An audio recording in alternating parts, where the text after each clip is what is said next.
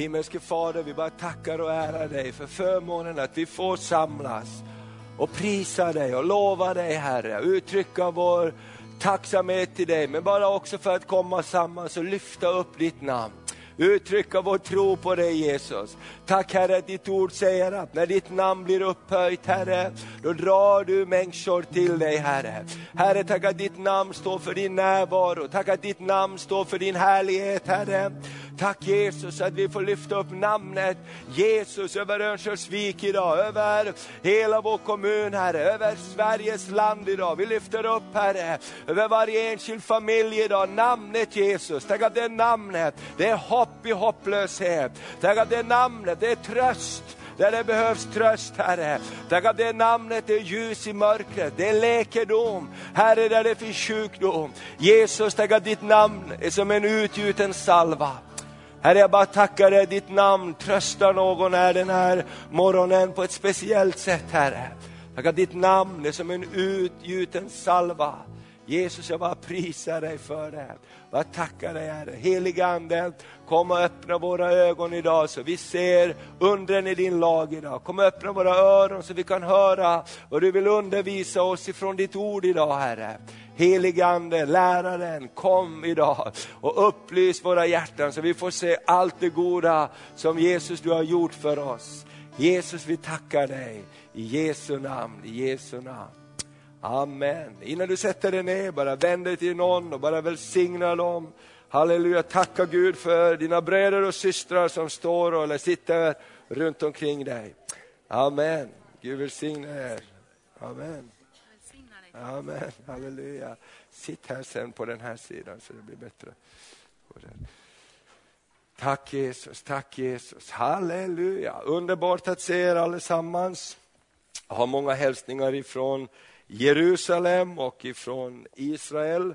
Eh, speciellt från Arja och eh, Heike där. Eh, jag bodde hos dem under veckan. Jag var på Livets Ords bibelskola för de bor alldeles bredvid den. Så de hälsar så varmt och så mycket till alla vänner här och eh, de ber för oss och tänker på oss och det går bra för dem där nere. Arja hon håller på och doktorerar och eh, samtidigt så jobbar de med, hjälper församlingar och, och de troende, det som Herren har kallat dem att göra där, att, att hjälpa Guds folk och välsigna Israel. Heikki han eh, evangeliserar på gatorna och, och, och jobba med de här utslagna också. Det var kul, flera av dem på bibelskolan så var just från deras arbete också som har varit narkomaner, utslagna, eh, helt utan hopp men har fått möta Jesus. Så det var härligt, det kändes så meningsfullt också att få sitta och undervisa just de som bara har ingen chans i det naturliga, men Jesus har gett en ny chans. Så, så det är underbart. Eh, sen så hälsar de också Albert Tynpo, heter han inte längre, eh, Växler, eh, som kommer egentligen från Estland. Och I början när vi bodde i Finland då, då jobbade de där och eh, han är egentligen en judisk familj och de har gjort Alia och han eh, arbetar med bibelskolan där. Och det är så härligt att se vad Gud gör, att vi också får vara ihopkopplade med, med Guds stora familj. Amen, visst är det härligt? Ta bröder och systrar i tron över hela världen. Och det, det var underbart att, att, uppleva gemenskapen där. Det var kallt eh, på det sättet, inte alls som här var, men det var 5-10 grader varmt och regna och, och, och eh, de prisade Gud för varje regndroppe. Vilken välsignelse! Och det var några äldre judiska svenskar på väg eh, på planet hem också. De pratade med varandra. Vilken välsignelse regnet är! Därför att de har ju den tiden när det regnar och då ska vattenförråden fyllas på och så. Och det är ju samma med oss andligt också. Tack Gud för andens regn som får fylla på i våra liv. Amen. Och låt oss be om regn.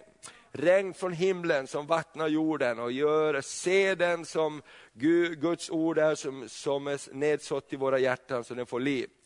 Idag så börjar vi ju att tala om den här Eh, i den här serien. Vi ska hålla på med ämnet eh, under hela den här månaden faktiskt utifrån Apostlagärningarna 2 och 42 och utifrån den första församlingen och den heligande som föll på pingstdagen och utifrån det så, så så, så bildades den första församlingen och den höll ju höll, höll, de höll ju till kring templet där och många, många människor blev frälsta.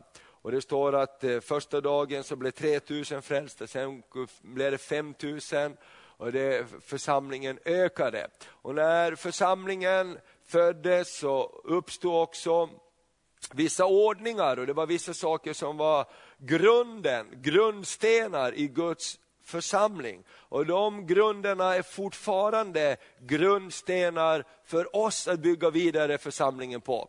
Och jag tycker det är så härligt med Guds församling, att det är liksom ingen modern grej som bara kommer just nu, vi lite gör si och så, utan vi bygger på de gamla, gamla grundstenarna. Vi bygger på, på grundfundamenten som är ända ifrån de här dagarna när församlingen föddes fram. Och Det står så här i Apostlagärningarna 2.42 eh, om de som hade tagit, vi kan läsa ifrån eh, vers 41. Då, det som då tog emot hans ord döptes. Det var apostlarnas ord alltså. Och så ökades antalet lärjungar den dagen med omkring 3000. De blev lärjungar till Jesus. Och det står i vers 42, dessa höll troget fast vid.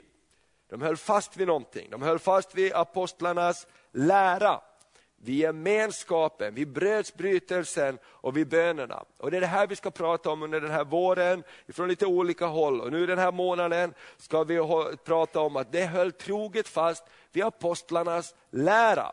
Och eh, Det är underbart att hålla fast vid någonting. När det stormar och när det blåser och när det glider under fötterna, då greppar man efter någonting som är fast att hålla fast vid. Och Det här är saker som duger att hålla fast vid.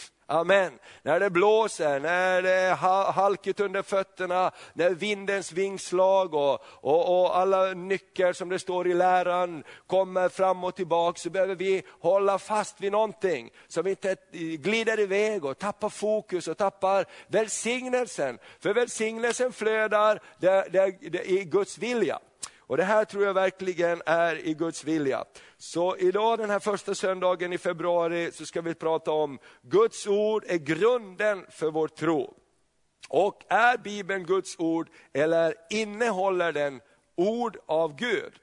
Och det är en väsentlig skillnad. Är det här Guds ord eller innehåller det bara ord av Gud som vi kan plocka ut och vi kan själv bestämma vilka ord som är av Gud och vilka ord som inte är av Gud. Och Jag tror det här är fundamentalt väldigt viktigt att vi, vi bara blir rotade och grundade i att Guds ord, vad är det? Är det är det blandat med bara människoord och tankar och vi kan välja och vraka utifrån den tid vi är i? Eller är det Gud som har talat till oss genom sitt ord? Och, och Vad betyder det då för oss? Och hur ska vi förhålla oss i olika situationer till det? Och eh, Jag vet att för många av oss så är det en självklarhet att Bibeln är Guds ord.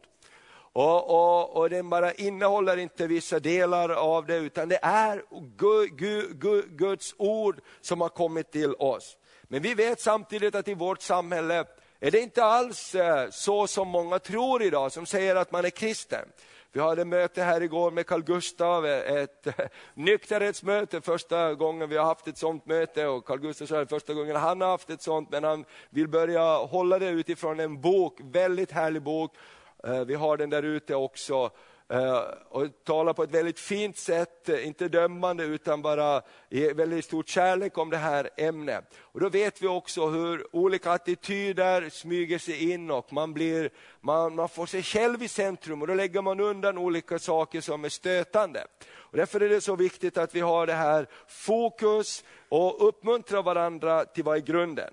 Vi vet också att människor som lever på många olika sätt idag Eh, säger att det är helt okej okay därför att eh, det, man kan inte tolka Bibeln si och så, man kan inte ta alla ord i Bibeln som Guds ord, utan man måste också tänka vilken tid vi lever i och på det sättet. Så jag tror att det är väldigt viktigt att vi på något sätt ändå slår fast ibland väldigt enkla och grundläggande saker. Men så här säger Bibeln om sig själv till exempel.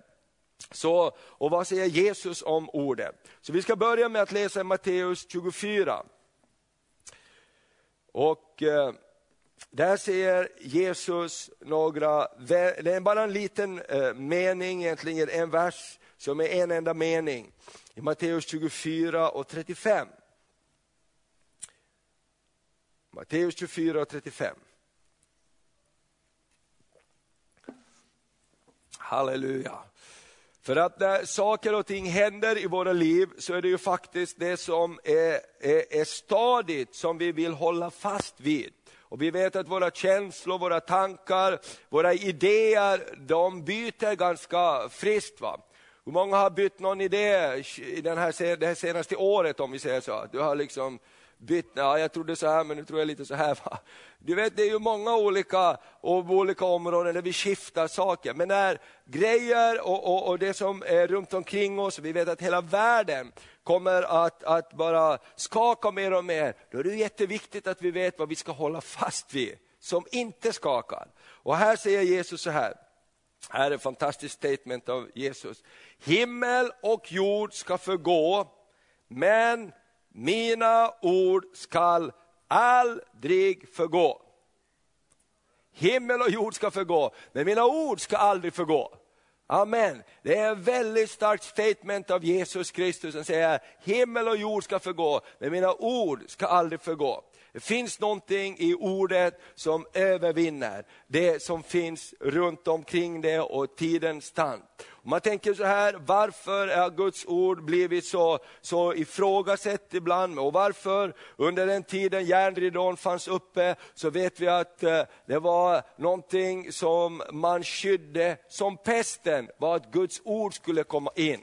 Det var två saker som var förbjudna i, i, i Sovjetunionen att ta in och det var pornografi och Guds ord. Och, och, och, eh, man, man eh, måste smuggla in biblar, man måste smuggla in Guds ord. Och därför att man visste det att Guds ord det förvandlar människor. När Guds ord kommer in i människor så kommer det liv in i människor, det kommer någonting som förvandlar människor. Och då undrar man så här, vad i den här boken är så farligt? Vad är det som är så farligt i den här boken som de dessutom säger att man inte ska tro på för Gud inte finns? Eller hur? Det är ju väldigt motsägande. Gud finns inte, det är ingen idé. Men den här boken är väldigt farlig. Den får man inte läsa, man får inte läsa den i skolan idag. Man får inte, prästen får inte säga på en skolavslutning att Bibeln säger så här. Man får prata allt möjligt allmänt om våren och blommorna, om eh, terminsavslutning. Men man får inte säga att Gud, någonting ifrån Guds ord. Varför då? Vad är det som är så farligt med det? Kanske det är ändå så att Guds ord är sänt av Gud och innehåller någonting av Guds liv i det här ordet. Och Jag tror att eh, många av oss som sitter här idag som eh, tror på Jesus och vandrar med honom, vet vad Guds ord betyder i olika situationer. Av tröst, av, av, av, av bara hjälp ibland, av någonting att hålla fast vid, ett löfte från Gud. Och jag tror att eh, det är också grundat på att jag tror att det här är Gud som talar till mig. Amen. Och Johannes 1 och, och 1 säger så här, att Jesus själv, han är ordet som kom till oss. Jesus själv, han är uppenbarad i sitt ord. Johannes, det första, Johannes evangeliet, det första kapitlet och eh, ifrån vers 1 och 3 så står det så här. De här berömda orden. I begynnelsen var ordet och ordet var hos Gud och ordet var Gud. Han var i begynnelsen hos Gud och genom honom har allt blivit till och utan honom har inget blivit till som är till. Och i vers 14 står det, ordet blev kött och bodde bland oss och vi såg hans härlighet, en härlighet som den enfödde har av Fadern och han var full av nåd och sanning. Amen. Han var full av nåd och sanning. Jesus han kom till oss, han är ordet som kom till oss för att uppenbara vem Fadern är, hur Gud var. Amen. Han säger, den som har sett mig, han har sett Fadern. Det, det ord jag talar är inte mina ord, utan de orden som jag hör och som jag ser att min fader visar mig. Den som har hört mig, han har hört Fadern. Och när Jesus kom, ordet kom till oss, så var han inte bara som en blixt som kom och lite grann som vissa andra religioner, som man hittar några eh, silverplattor under en sten eller en ängel kom uppenbara i ett ögonblick ett budskap, som många andra religioner bygger på. Mohammed fick en uppenbarelse på en gång, sen försvann allting. Eh, mormonerna bygger på det, man har sina skrifter som kom och sen försvann de. När Gud kom till oss så kom han i en person. Ordet kom till oss. Amen. Ordet som hade skapat allting. I första Moseboken var det öde och tomt står det. Och Guds ande svävade över intet. Och det står att Gud talade, bli till och det blev till. Gud sa det och det vart. Gud sände sitt ord och det skapade liv här runt omkring oss. Vi vet hur synden kom in och bröt gemenskapen och hur Gud använde samma metod när han skulle frälsa världen. Han kom med ett ord till en kvinna som hette Maria, som kanske bara var en, en ung kvinna, man tror att hon var kring 14-15 år gammal, en, en, en, en ung kvinna. På den tiden så gifte man sig ung och så här vidare, men hon var bara en ung flicka och Guds ord kom till henne och sa, du är Maria, högt benådade, du ska få föda världens frälsare. Och hon sa, ske mig så som du har sagt. Och hur ska det ske? Jo, helig ande ska komma över dig. Samma ande som var över när Gud skapade jorden och skapade allting som vi har omkring oss. Samma ande var över ordet när Maria tog emot det och genom Guds ord så kom frälsning till världen. Amen. Och när Jesus gick omkring här så talade han ord av liv. Han talade ord, Guds ord. Han sa, ja jag hör och jag ser och det jag hör och det jag ser, det talar jag ut. Och, och, nästan alla mirakler som Jesus gjorde, gjorde han genom att han talade ut ordet som kom från himlen. Amen. Till stormen så talade han, tig var stilla. Till döden så talade han, talita kum, stig upp. Till Lazarus så sa han, Lazarus kom ut. Amen. Därför det var det ordet som kom ifrån himlen. Ordet är fyllt av liv. Amen. Jesus kom till oss, ordet kommer till oss. Och vet du vad, jag tror att det är precis, Gud är, har samma förhållningssätt idag. Gud sänder sitt ord till oss. Gud sänder sitt ord till oss med liv och vi får ta emot ordet eller får vi förkasta ordet. Men tar vi emot ordet så blir ordet som Gud sänder till oss, det blir liv hos oss. Halleluja, det blir kött hos oss. Amen. Prisat vare Herrens namn. Amen. Halleluja, ni är fantastiska som har kommit ut i 30 graders köld här. Halleluja, men låt bara isen brista i ditt hjärta och bara säg Amen. Halleluja, halleluja, det är någonting härligt. Jag säger det igen, det är bra att ge ett gensvar. Ska vi säga Amen? Amen. Halleluja, tror du Guds ord kommer till dig?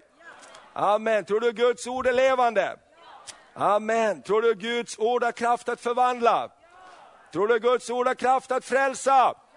Amen. Säg, det här är min bibel. Ska vi lyfta upp bibeln? Det här är min bibel. Har du bibeln i telefonen får vi väl lyfta upp telefonen. Det här är min bibel, säg det igen, det här är min bibel. Det är Gud som talar till mig. Gud sänder sitt ord med liv och läkedom. Det här ordet är räddning för mig. Det är frälsning för mig. Det är läkedom för mig. Det är hopp för mig. Det är hopp för min framtid. Det här ordet återvänder aldrig fåfängt. Det här ordet är bröd för mig, är mat för mig. Jag mår bra av det här ordet. Jag älskar Guds ord. Det renar mig. Det är som en reningsflod. Tack Gud för ditt ord. Amen. Halleluja. Och så tar alla sin bibel så får du kyssa bibeln. Mom. Halleluja. Guds ord renar våra läppar. Halleluja, det står i Bibeln, han tog ett kol från altaret och renade våra läppar. Det står att Guds ord, Paulus säger så här, att längta efter, ta emot ordet som, som mjölken, som ett barn längtar efter mjölken. Den oförfalskade mjölken. Och vad gör mjölken? Från, från, från äh, bröstmjölken ifrån vår himmelske fader, den innehåller allt vad vi behöver. Halleluja, där är det vitaminer och där är det protect, eh, protection, beskydd. Halleluja. Det är allt vad en bebis behöver, finns där. Amen. Och, vi vet att eh, ett av Guds namn är El Shaddai, överflödets Gud, men också bröstmjölkens Gud betyder det. Halleluja, på grundtexten, bröstmjölkens Gud. Halleluja, och det är så underbart när man har små bebisar. Härligt med alla bebisar som är på väg i församlingen också. Halleluja. Men jag kommer ihåg hur det var med alla bebisar i vår familj. När de kom en efter en så var det någonting underbart. Halleluja. När de fick mammas bröst så bara, mm, mm, det där ljudet också. Mm. Från skrik och gråt till, mm, mm. Halleluja. Det, och, och det är ju en nyckel där också att om vi vill ha tag på det Gud har så går det inte att få på distans. Eller hur? Man måste komma nära, väldigt nära. Och det är det Gud vill. Kom nära, kom till mitt bröst. Kom nära, kom nära. Halleluja. Och där finns det liv. I Johannes 6 så står det någonting härligt. Johannes 6 och 36. Eh, så står det så här. Johannes 6 och 36. Jesus talar mera här. Och då säger han så här. Eh, 63. 6 och 63. Halleluja. Tack för det. Hjälparen, den Helige Ande och Maria. Jag har svängt om siffrorna här. 63. 6 och 63. Då står det så här. det är anden som ger liv. Köttet är inte till någon nytta. Det ord som jag har talat till er är ande och liv. De ord jag har talat till er är ande och liv. Det betyder att den helige ande kommer och gör ordet levande. Den anden och ordet behöver gå tillsammans. Annars så blir det bara ord, ord, ord och mera ord. Och eh, Därför så uppmanar aposteln Paulus oss i Efesierbrevet, så säger han så här, jag ber för er att visdomens och uppenbarelsens ande ska komma till er och upplysa era hjärtan, så ni förstår hur mycket gott ni har fått i Kristus Jesus. Amen. Hur stor den rikedomen, den kraften, det arvet är som vi har fått i honom. Anden måste komma och ge ordet liv. Och därför är det bra att be när vi läser Bibeln och be heligande, kom och gör ordet levande för mig. Amen. Därför ge inte ordet, ge inte anden liv åt ordet, då blir det bara döda ord. Och då blir det precis som man säger ibland, att man jagar varandra med Guds ord och slår Bibeln i skallen på varandra. Har du hört det? Du skall inte, bang, och det där gör du fel, bang, och det där gör du fel, bang. Och det vet vi att det gör bara ont i huvudet. Eller hur? Det gör som ingen nytta. va?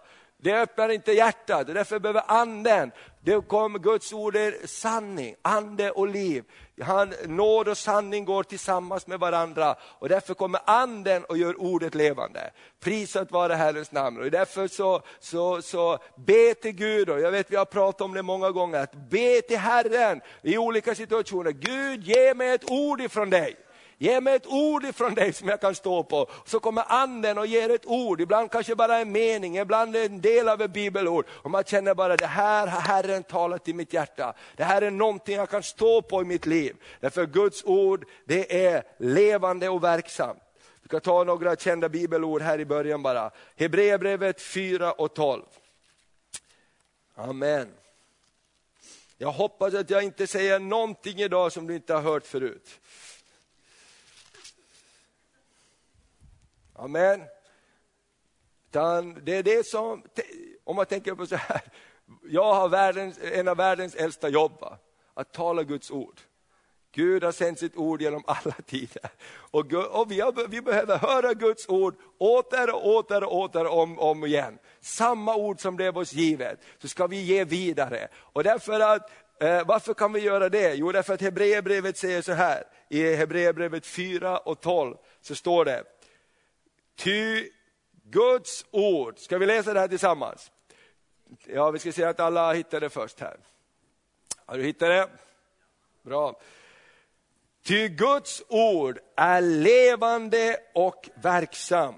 Det är skarpare än något tveeggat svärd och det tränger igenom så att det skiljer själ och ande, led och märg och det är en domare över hjärtats uppsåt och tankar.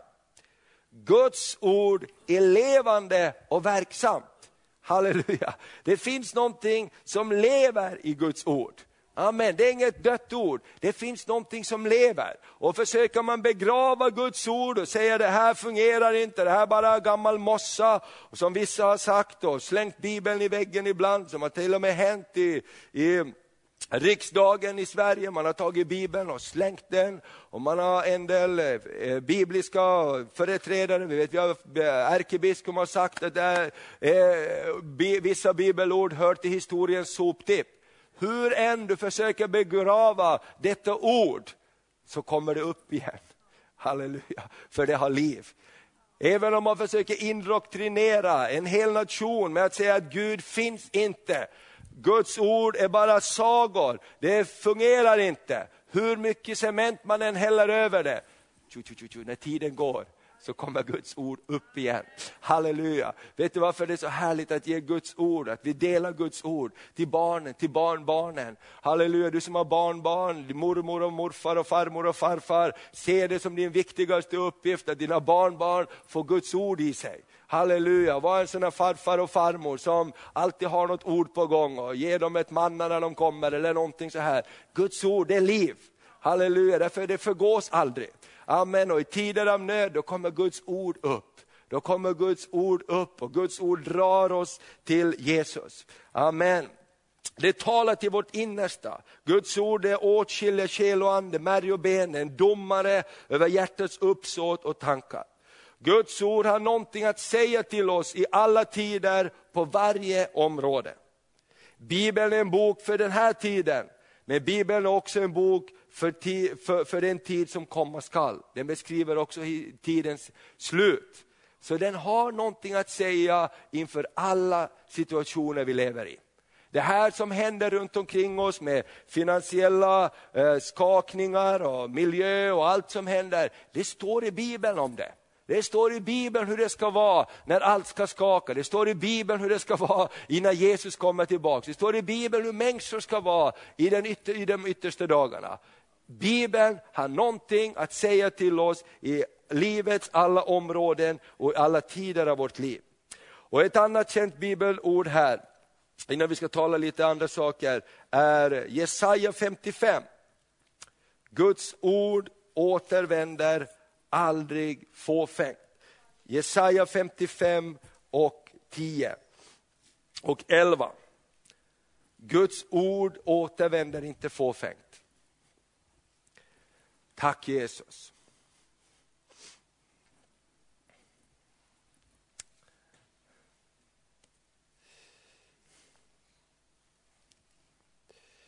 Och då så, så står det så här i Jesaja 55 och vers 10 och 11. Liksom regnet och snön faller från himlen och inte återvänder dit förrän det har vattnat jorden och gjort den fruktbar och ger säd att så och bröd att äta. Tänk att här står det om hela kretsloppet i den här bibelversen. Alla biologilärare kan få en gratis lektion här. Liksom regnet och snön faller från himlen och inte återvänder dit, för den har vattnat jorden och gjort den fruktbar och ger sed att så och bröd att äta. Så ska det vara med ordet som går ut ifrån min mun. Förgäves ska det inte vända tillbaks till mig utan att ha verkat det jag vill och utfört det vart jag har sänt det. Amen.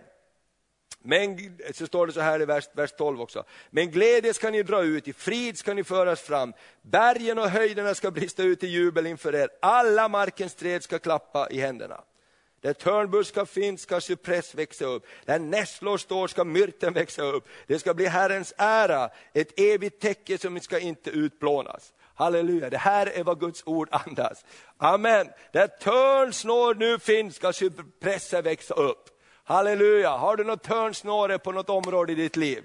När Gud sänder sitt ord säger han, det ska inte förbli törnsnåre där, det ska växa cypresser, stora starka träd.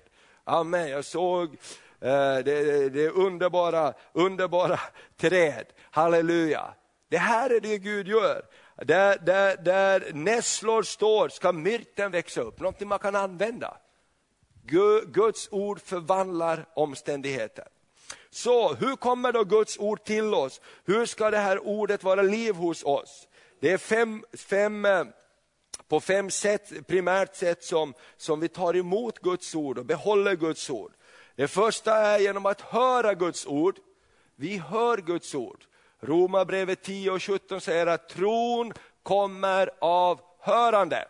Vi behöver höra Guds ord om och om igen.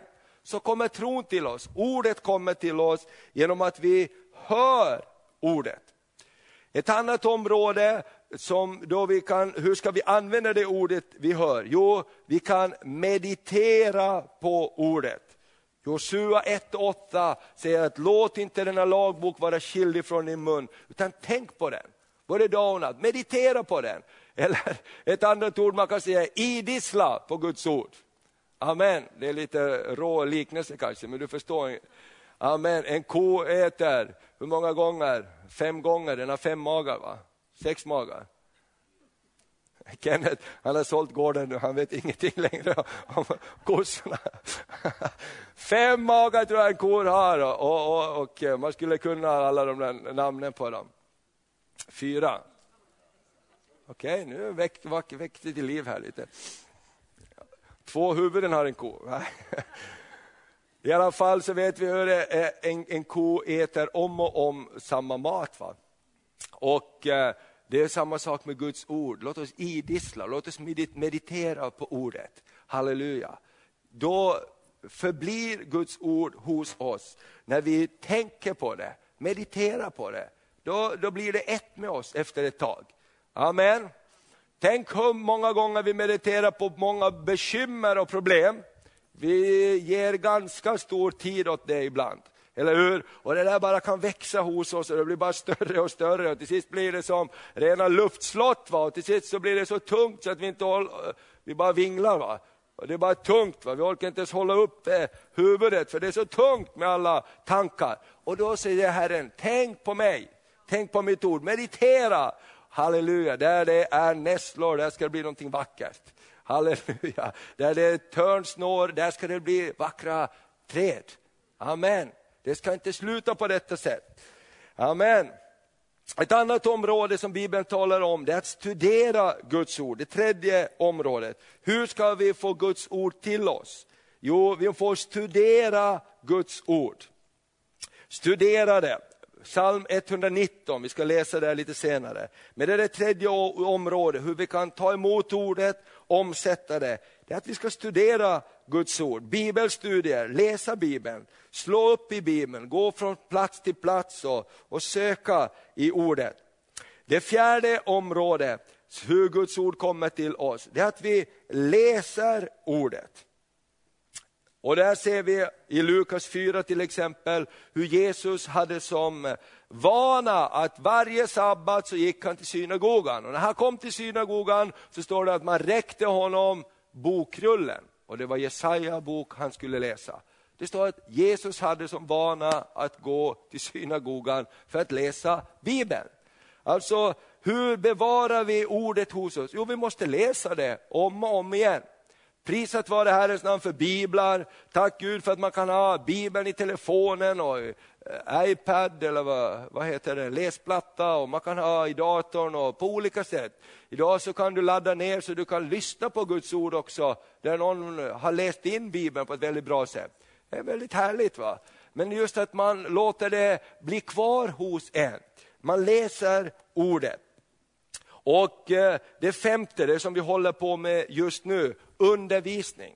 Hur kommer ordet till oss? Jo, genom att lyssna på undervisning, på predikan. Man måste ta tid på det. Det står att När Jesus kom till sin hemstad Nasaret så kunde han inte göra många under där, därför att folket trodde inte på honom. Och det står att han förundrades, så står det i nästa vers, sedan vandrade han kring från by till by och undervisade folket om Guds rike. Därför tron kommer när vi talar om Gud och Guds rike också. Så det här är fem enkla områden. Då är det ju alltid det här också, hur ska vi då veta att Guds ord är Guds ord? Att det inte bara hittat på av människor. Bibeln säger så här att Guds ord det är inandat, inspirerat av den helige Ande. Given till människor i olika tider. Det finns 66 böcker i Bibeln som vi har eh, upplagt idag. Och det är ungefär 40 författare, 42 författare som har skrivit Bibeln under en tidsrymd på 1500 år. Alltså det är en ganska lång tidsrymd från gamla testamentets skriverier från kung David till Paulus och Petrus och de som Eh, efter Jesu död, 50-70 år efter Jesu död, skrev Nya Testamentet. Och den här hela tidsrymden som Bibeln, som vi känner den, idag är skriven på 1500, under en tidsrymd av 1500 år. Och ändå, hur kan det vara en sammanhållande bok? Jo, därför att den helige Ande har inspirerat människor att skriva. Och då kan man ju fråga sig också, hur är det då med eh, eh, trovärdigheten i Bibeln. Hur vet vi att Bibeln är Guds ord? Och då är det bara rent vetenskapligt så att det finns inte någon skrift som har så många handskrivna kopior som Bibeln. Ingen av de historiska verken som vi läser om och tror på, om, om romarriket, om Caesar och om alla de här andra, det finns inte någon som kan jämföra sig med antal kopior av texten som Bibeln har. Och eh, det modernaste exemplet på det är ju Döda havsrullarna, som man hittade Jesaja-rullarna. Och det hittar man ju på, om jag inte missminner mig fel, på 60-talet tror jag, så hittar man det eh, 60-talet någonstans, där tror jag att det var, 60-70, ingen protesterar, men det är ungefär där Arja nu så håller på att doktorera på en del av det också, så de har varit där flera gånger. Hennes professor är den som är mest kända professorn på det här ämnet, just med Dödehavsrullarna. Och då så blev det ju så att, att de alla som sa då på vetenskap, i vetenskapens namn att man kan inte tro på Bibeln, plötsligt så hittar man Jesaja-rullar, alltså avskrifter av, av det som är Jesaja i vår tid. Och man daterar det och man ser, wow, det här är ju precis så som Bibeln är idag. Det är identiskt Eh, i stort sett med, de, med Jesaja som vi har idag. Och vi har många vetenskapliga bevis på att Bibeln är trovärdig. Likaså i Bibeln och i Nya Testamentet speciellt så är det ofta i, i, i, i evangelierna och apostlagärningarna så är det ofta också talat om kungar som levde då. I Lukas 2 står det i djurevangeliet.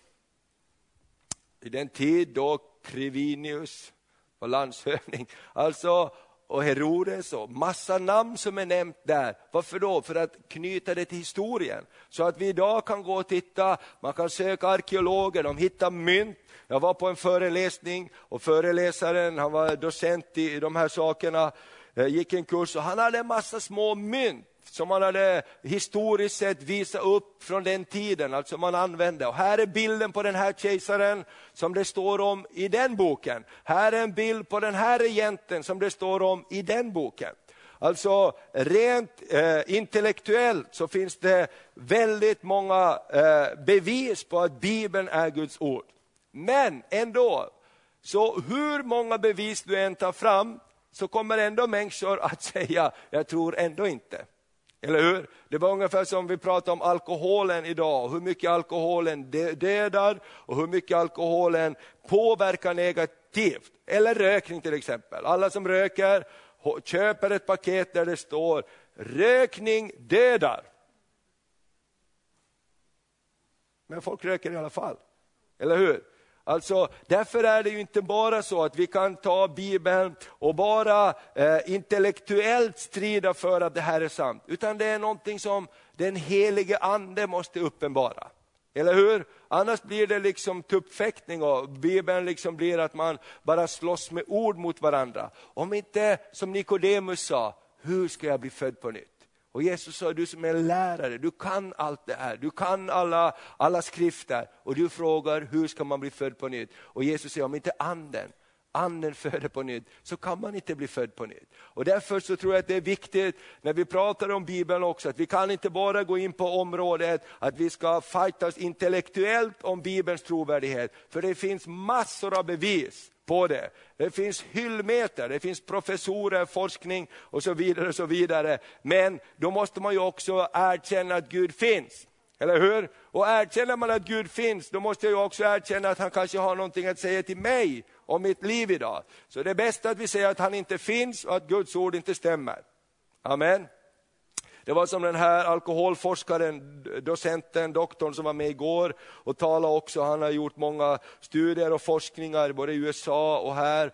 Forskar väldigt mycket och han sa det att eh, till exempel tobak, man har gjort olika eh, forskningar på tobak, att speciellt eh, och cigaretter, att speciellt tjejer så har väldigt mycket lättare än killar att fastna i cigarett och rökning. Att det var bara tror jag, två av tio som, som kunde sluta lätt. De flesta hade väldigt svårt. Och det var också ganska stor i forskningen här att verkligen eh, påverkan av cancer och negativa effekter. Och då har det blivit förbjudet att eh, göra offentlig reklam för cigaretter. Och då sa han, då har hela industrin tagit fram det här beteendemönstret och se hur påverkar cigaretter. Och desto yngre man är, desto starkare är de här banden att man ska fortsätta röka. Så då sa han, då gör de sådana här stora fester, cigarettbolagen. USA bjuder skolor och skolklasser på sina skolfester.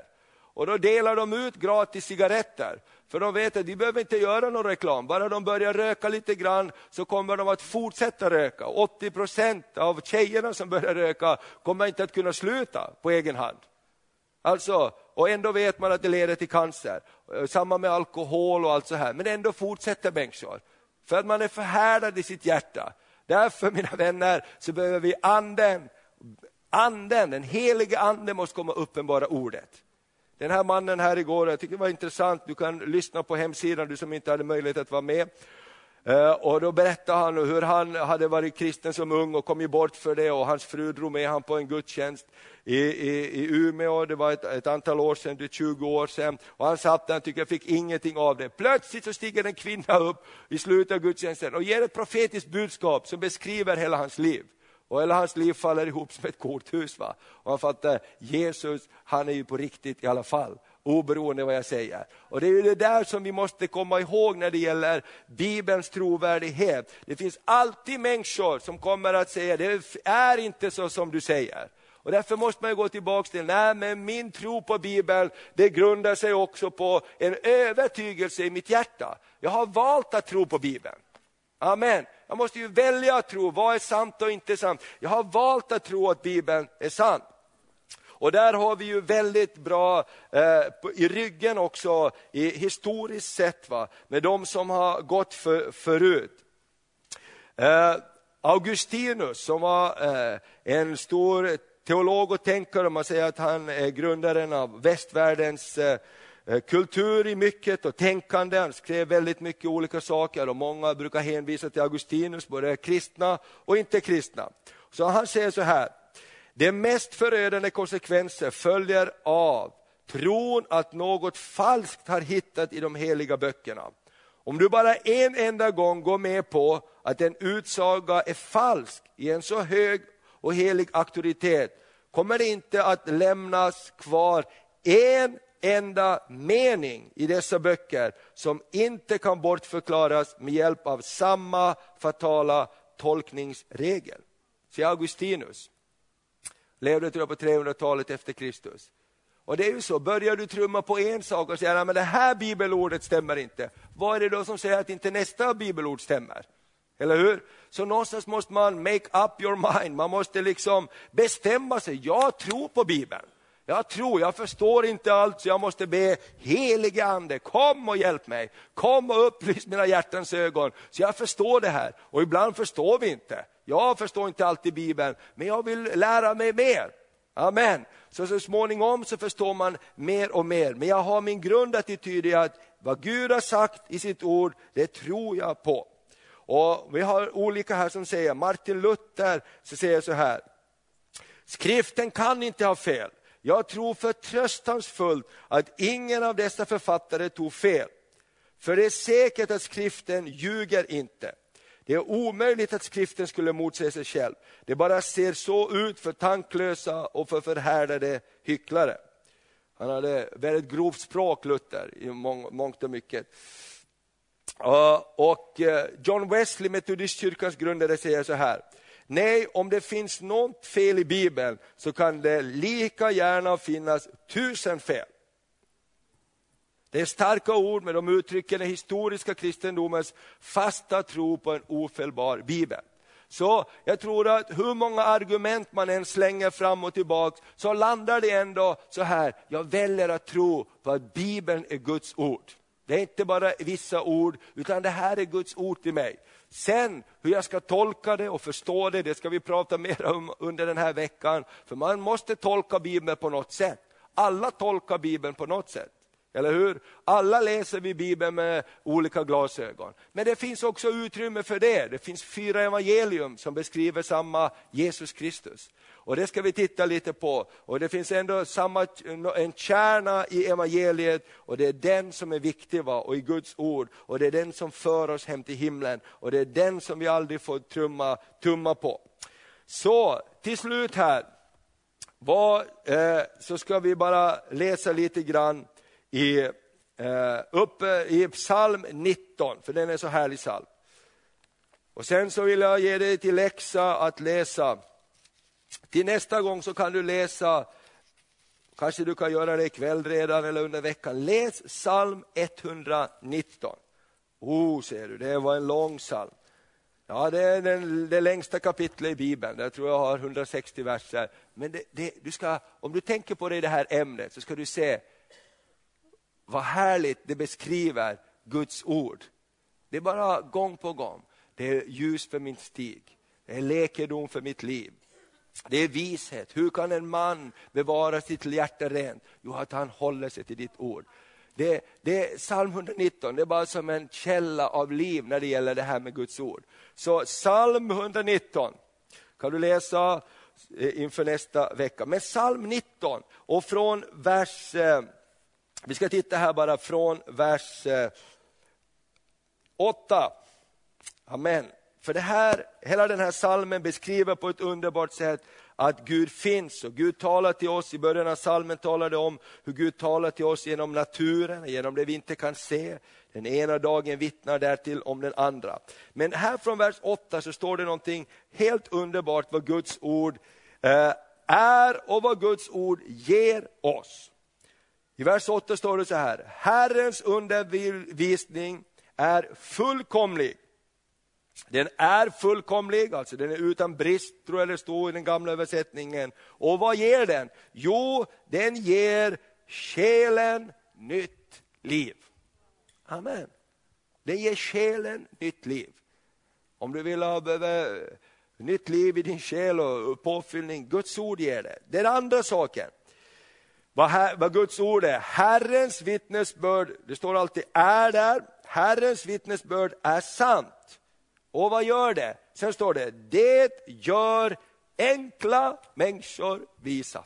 Halleluja. Amen. Guds ord är sant och det gör enkla människor visa. Man får förstånd av Guds ord. Halleluja. Det är jättebra.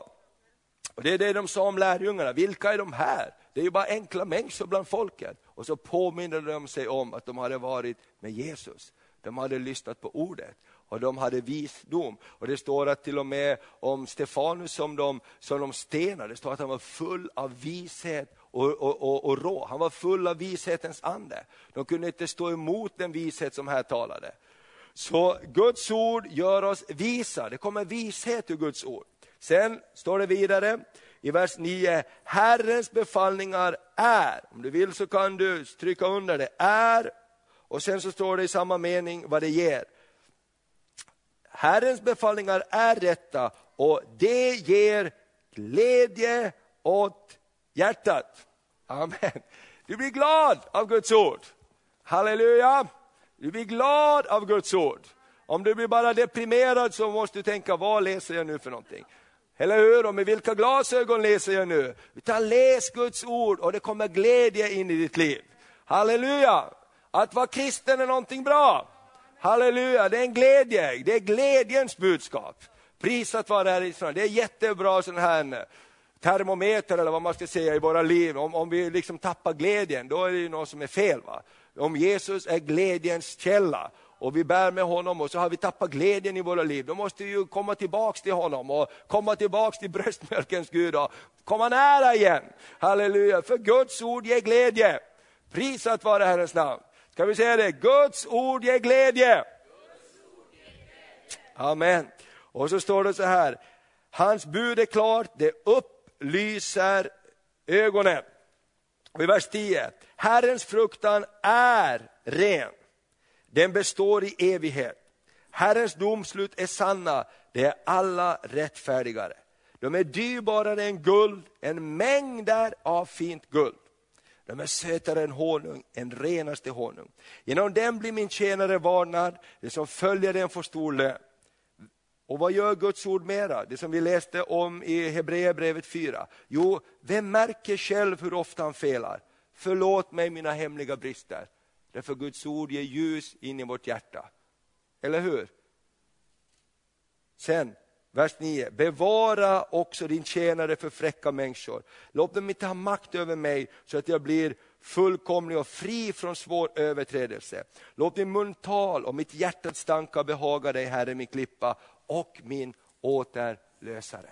Amen. Guds ord gör gott. Guds ord upplyser våra liv, gör den enfaldige vis, ger glädje åt hjärta. Och det sista bibelordet är den näst sista versen i Bibeln. Uppenbarelseboken. När det gäller Guds ord. Näst sista versen i Bibeln.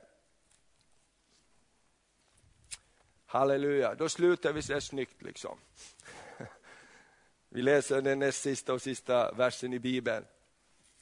Det står om eh, alltså respekten vi behöver ha för Guds ord. Och Jesus verkligen i slutet av Bibeln verkligen eh, skärper till det här att jag har sänt mitt ord till er. Och det är ingenting som ni kan ta lätt på. Utan Genom mitt ord så skapar han, och genom Guds ord så upprätthålls allt som finns till och genom Guds ord så blir vi också frälsta. Och då står det så här i den näst sista versen i Bibeln, Uppenbarelseboken 22.19. Om någon tar bort något från det ord som står i denna profetians bok, ska Gud ta ifrån honom hans del i livets träd och i den heliga staden, som det står skrivet om i denna bok.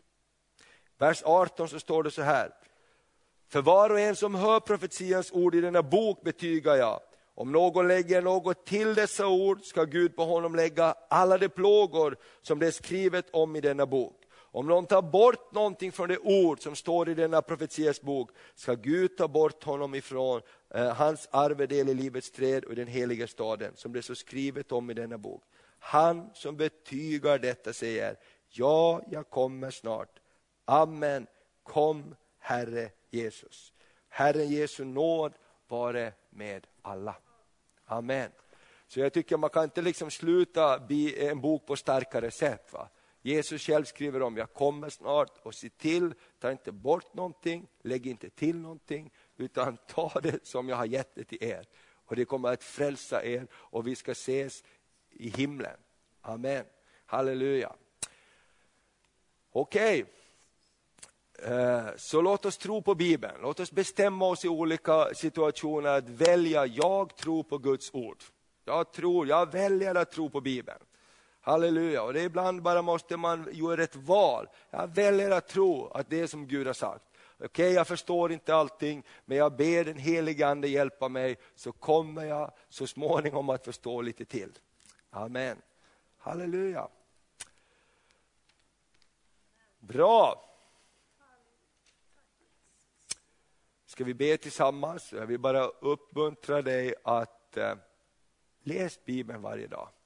Jag vet att det här är ett område där fienden kommer och eh, försöker ta bort vår uppmärksamhet på det här. Och, och, därför måste vi bara make up your mind. Vi måste bara liksom bestämma oss för jag, vill, jag ska läsa Bibeln varje dag. Amen. Du vet att eh, för länge sedan, det var inte speciellt länge sedan, men kanske för 15 år sedan, så, så hade vi, när vi hade bibelskolan i Finland, då bjöd vi in sådana gamla Guds män och Guds kvinnor, de som hade liksom någonting att berätta, fick de komma en dag och berätta om sitt liv och sin kallelse, om saker de har gått igenom och vad Gud hade gjort. En dag så kom, hade vi en man som kom, han lever fortfarande, han är över hundra år gammal. I fjol så fick han inte förnya körkort. Han har kört bil tills han var hundra år. Helt, Harry Holti heter han, han lever fortfarande. Det var, Carl Gustav var uppe i Vasa, han bor i Österbotten i Vasa för några år sedan. Och då brukar han alltid komma på Carl Gustavs möten och då kom inte han. Och då ringde Carl Gustav till honom och frågade, har du blivit dåligt, hur är det? Han frågade om han levde, han visste inte vad som har hänt. Så han ringde upp, hej det är Carl Gustav här, hur är det Harry? Jag saknar dig på mötet idag. Ja förlåt mig Carl Gustav, du måste förstå att jag kunde inte komma den här gången. Så jag spelar in en ny CD och jag förbereder en en, en turné, liksom, jag ska åka med den här CDn runt. Va? Så jag kunde inte komma den här gången. Det är liksom helt omöjligt. Men då var han över 80 år, jag tror att han var 85, 86 någonting när han var där. Och jag tyckte, vi tyckte det var så härligt att höra hans vittnesbörd. Och han hade varit med om så mycket. Han sa, jag har varit nu heltidstjänst för Gud, i över 60 år har jag predikat evangeliet. Och vet du vad, sa han, varje dag när jag ska ta min bibel, och ta en liten stund med Jesus och läsa min bibel, så kommer den rösten till mig. Harry, hur många gånger har du läst det här? Alltså, du kan ju ta en läs, en läs tidningen och ta en kopp kaffe. Och, ja, men du vet vad som står där, du kan läsa en annan gång. Och han sa, varje dag så måste jag bestämma mig för att ta min tid med Guds ord och möta Jesus i Bibeln. Varje dag måste jag. Och då fattar jag någonting. Det är det enda jag kommer ihåg från allt vad han berättade. Jag kommer ihåg lite till också, men, men det är det som bara stannar hos mig. Hallå, om han som har levt, han var över 80, han har levt med Jesus hela sitt liv, tjänar Gud i över 60 år. Varje dag måste han bestämma sig. Att den där rösten kommer till honom. Ja, men inte idag behöver du väl. Du kan läsa imorgon.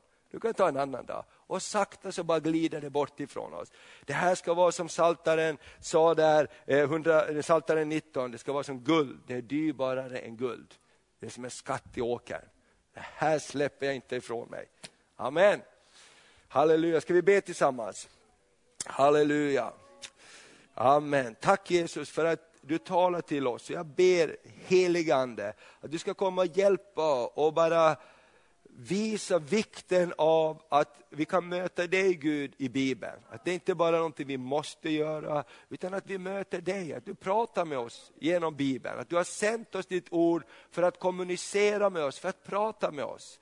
Jesus, tack att ditt ord är fullt av liv och tröst och vägledning på alla livets områden. Hjälp oss att hålla det kärt, Herre. Även om vi är trötta ibland, även om vi är så upptagna. Hjälp oss så att vi ser att det är som, som en dyrbar skatt i våra liv. Så det är, det är viktigare än någonting annat. Att vi får leva med ordet varje dag i våra liv. Så det ska det beskydda oss och bevara oss, ge oss vishet och förstånd. Herre, jag bara tackar dig för det.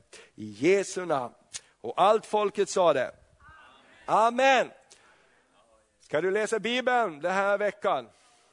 Amen. Så bara uppmuntra oss själva till att göra det.